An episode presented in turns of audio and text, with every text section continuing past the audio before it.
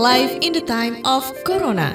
Ada yang menggunakan pembalutnya itu sebalik tuh, bagian lemnya itu justru di atas bukan ada di bagian celana dalamnya. Berarti itu salah satu kesalahan juga. Pandemi COVID-19 telah banyak mengubah hidup kita. COVID-19 memaksa orang Indonesia yang sangat komunal untuk belajar tentang jarak sosial dengan menerapkan physical distancing. Palang Merah Indonesia (PMI) yang didukung USAID, WHO, dan IFRC ingin mengedukasi masyarakat cara menghadapi masa pandemi COVID-19 ini. Kiat-kiat ini dikemas dalam serial diskusi podcast yang menghadirkan narasumber-narasumber yang kompeten di bidangnya. Live in the time of Corona. Anda kembali mendengarkan podcast Live in the Time of Corona. Dan kali ini kita akan ngobrol-ngobrol soal menjaga menstruasi hygiene di tengah pandemi. Nah, seperti kita ketahui di tengah pandemi eh, COVID-19 ini ya, selain kita memperhatikan kebersihan mulai dari rajin cuci tangan, rajin menggunakan hand sanitizer, rajin mandi, dan rajin bersih-bersih rumah biar semuanya terhindar dari COVID-19. Tapi, apakah Anda juga sudah menerapkan menstruasi hygiene atau manajemen kebersihan menstruasi atau MKM? Nah, penasaran kan? Lebih lengkapnya, saya Rizal Wijaya bakal obrolin bersama Mbak Ayi Erdian. Dia adalah seorang menstrual hygiene trainer dari Palang Merah Indonesia, Jakarta Timur. Yang sehari-hari juga membuka layanan konsultasi buat teman-teman perempuan yang ingin berkonsultasi curhat soal menstruasi. Langsung aja yuk, ini Gimana? menstruasi ini kan sebagai tanda perempuan tumbuh menjadi dewasa. Dan ini adalah Mm. proses alami bagi seorang perempuan. Semua mengalami. Sayangnya menstruasi ini masih dianggap tabu untuk dibicarakan. Sehingga Mm. banyak anak perempuan yang kurang pendidikan soal menstruasi termasuk manajemen kebersihan menstruasi atau MKM. Nah, Mm. sebelumnya nih, saya pengen eh, tanya dulu deh, apa sih yang disebut dengan MKM ini? Kemudian apa saja yang termasuk dalam MKM? Oke, jadi kan kalau manajemen kebersihan menstruasi itu yang di mana kayak perempuan itu harus tahu dulu nih gitu bagaimana sih bag- menggunakan pembalut yang benar gitu, terus juga yang bersih pastinya ya.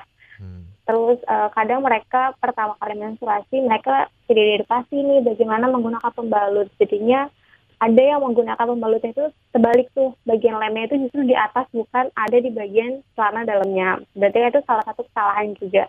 Nah, terus eh, bagaimana sih mereka itu bisa mengganti pembalut ini sesering mungkin pada saat eh, mereka menstruasi dan juga mereka tahu harus ke mana membuangnya. Jadi eh, harus disediakan juga tempat sampah gitu loh. Jadi mereka nggak membuang ke dalam eh, WC itu. Nah juga di dalam toilet ini harus adanya sabun, air dan juga em, mereka yang mengganti pembalut di toilet ini juga harus merasa nyaman. Bagaimana juga privasinya itu supaya terjaga gitu. Oke. Nah, tadi kan yang poin pertama adalah salah menggunakan. Kadang terbolak-balik gitu. Memangnya efeknya apa nih kalau seandainya melakukan kesalahan? Kalau melakukan kesalahan, kalau tadi kan yang aku sebutin itu mereka menggunakan pembalut itu terbalik ya, otomatis kan itu akan perekatnya ini justru nempel ke bagian vaginanya. Itu kan Hmm, agak susah tuh kalau misalnya memang untuk ngebukanya pasti kan sakit gitu. Nah kalau misalkan mereka nggak sering ganti pembalut nih gitu, itu nanti juga akan masuknya ke kesehatan juga gitu penyakitnya. Mungkin bisa juga nanti em, ada IMS gitu atau infeksi menular seksual juga ya yang memang nantinya mereka bisa kayak gatel-gatel kayak gitu sih. Oke, iritasi mungkin ya. Ya, Ru- betul. Ruam-ruam seperti baby gitu kan? Mm-mm, yang merah terus kayak gatel itu kan agak mm, apalagi di bagian vagina ya sebenarnya Oke. kalau udah ngalamin itu ya mau nggak mau harus diperiksa juga gitu. Terutama bagi adik-adik kita nih yang mungkin SMP gitu ya. Anak-anak saya kebetulan juga SMP dan sudah menstruasi dan saya wajib tahu juga Ah. dong sebagai ayah ya kan. Iya Nah. harus banget itu. Karena kan istri nggak selamanya terus mendampingi ya kan.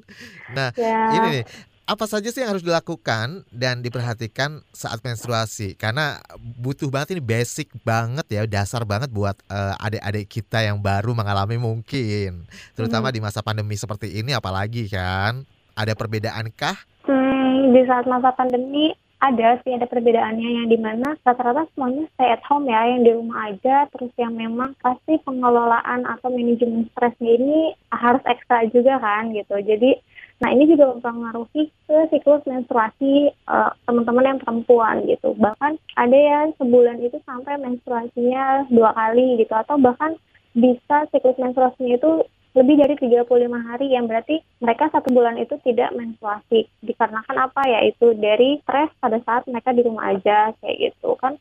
Kalau di rumah aja tuh mungkin ada yang oke-oke aja gitu di awal tapi makin lama ini kan udah dua bulan ya. Berarti kan kayak kebosanan itu meningkat gitu jadinya itu juga mempengaruhi dari si siklus menstruasi tersebut. Siklus normalnya menstruasi itu kan dari 21 sampai 35 hari, tapi rata-ratanya perempuan menstruasi itu pasti di 28 hari. Nah, tapi gimana kalau misalkan menstruasinya itu cuman uh, di siklus 20 hari aja udah menstruasi gitu dan di bahkan aku pun pernah gitu mengalami siklus menstruasi yang dia, dia itu lebih dari 35 hari. Jadi aku sampai 50 55 hari dan itu baru menstruasi gitu. Dan sebenarnya untuk pertama kali mereka harus tahu dulu ya siklus menstruasi mereka itu sebulan itu berapa hari oh, gitu. harus dan diperhatikan ya. Uh, hitung-hitungannya ada ya. mm, bener banget. Sebenarnya uh, Mas Rizal juga boleh tahu anaknya nih Oke. untuk kayak install aplikasi yang di handphone kan ada beberapa aplikasi tuh buat yang catat uh, periodenya. Betul. mungkin kan kalau zaman dulu kita pakai kalender ya untuk Betul, dicatat betul. di dibunderin gitu nah tapi kan sekarang lebih lebih praktis gitu nah dari situ baru nanti kita tahu nih oh siklus kita nih jadinya maju atau mundur gitu tapi selama itu masih di dalam 21 sampai 35 hari itu masih oke-oke aja, masih normal. Tapi eh, kayak tadi nih aku kan udah sampai 55 hari nih. Eh, tadinya aku kalau misalnya udah mau sampai 60 hari itu akan aku harus harus cek juga nih gitu. Apakah ada yang salah? Tapi ternyata sudah menstruasi di 55 hari dan itu Oke. tidak tidak berkelanjutan. Jadi cuma hanya satu kali di situ, sisanya eh, siklus aku normal lagi gitu. berarti kalau lebih dari itu mesti buruan cek ke dokter gitu ya Betul. Aku sih saran ini juga bisa ke dokter kandungan ya atau ke opkin gitu. Baiklah dan eh, boleh dong berbagi tips nih selama masa pandemi ya kan Ap- apa sih yang yang mungkin bisa dilakukan ke teman-teman perempuan yang mengalami menstruasi di masa pandemi Kalau buat menjaga tetap ya harus ganti pembalutnya sesuai sama kalau misalkan teman-teman yang masuk sekolah kan biasanya suka diiniin tuh kayak mereka mandi sekolah pagi kan ganti pembalut ya. Hmm. Nah terus mereka pada saat siang di sekolah juga harus ganti. Itu kan berarti ganti yang kedua. Terus mereka pulang sekolah ganti lagi nih.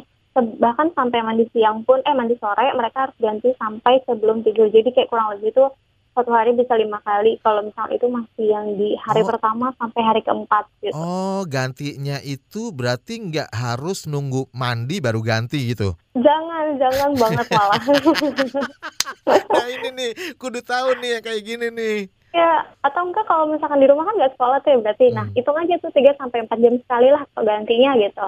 Oke. Jadi satu hari itu bisa ya bisa 4 sampai 5 kali untuk mengganti pembalut gitu. Dan itu jangan nunggu sampai kayak ah baru baru ganti tadi pagi gitu dan mau gantinya pas mandi sore aja ya jangan ya kalau bisa walaupun darah itu nggak banyak jadi sebenarnya darah yang keluar dari menstruasi itu nggak banyak loh mas Hmm. kayak cuman 35 mili lah kalau misalkan lagi biasa-biasanya tapi kan karena mungkin kegiatan yang lain gitu jadi kayak yang dan pembalut itu kan datar ya jadi kayak mereka tuh kayak ngalir gitu kan kayak seakan-akan banyak tapi tetap kayak temen-temen harus ganti pembalut ya itu 3 sampai 4 jam sekali atau sehari itu bisa lima kali ganti nah itu jangan lupa walaupun di rumah aja tetap harus ganti pembalut dan tetap penuhi nutrisi yang dibutuhkan Jadi minimal gantinya berapa kali? Ditegas, ditegasin lagi nih. 3 sampai 4 jam sekali kalau bisa 3 sampai 4 jam sekali ya. Ya betul Jangan males harus ganti buat kebersihan ya nggak sih? Iya bener banget dan dibuangnya juga jangan sembarangan.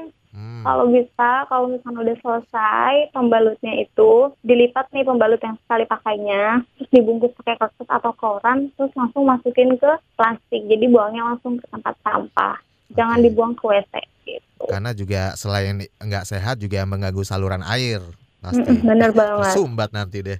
Baiklah. Dan ini eh, balik lagi ke awal. Kalau saya sebagai seorang ayah dengan anak Mhm. perempuan yang menstruasi juga.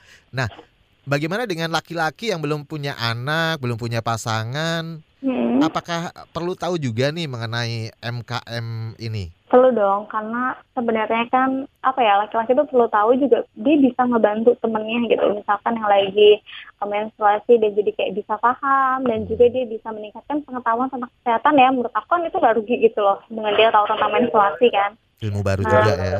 Iya, jadi kayak itu eh, apa ya informasi penting juga gitu terkait sistem reproduksi manusia kan. Nah, terus juga sebenarnya tadi itu satu jadi kayak untuk mendorong kesetaraan gender juga sih sebenarnya di sini jadi kayak yang mungkin mereka tidak merasakan menstruasi itu kayak ada ada rasa sakit nyeri dan lain-lain gitu. Tapi di sini si laki-laki ini membantu kayak apa yang bisa saya bantu? gitu misalnya. Oke. karena eh, adikku pun laki-laki kan jadi di saat kayak pembalut aku habis gitu aku minta tolong dia ya dia nggak mau untuk beli gitu.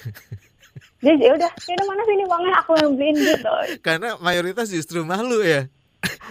Sampai bener sekarang ya banget. nggak tahu kenapa deh padahal padahal sih biasa-biasa aja kalau saya suruh beli misalnya nih juga mau mau aja kenapa juga kan nggak mau. Iya, sama aja kan kayak beli makanan gitu sebenarnya. Itu kan belum kotor gitu kan. Nah, kalau aku ngalamin sendiri nih, bener nggak sih kalau mitos mitos atau fakta nggak ngerti deh.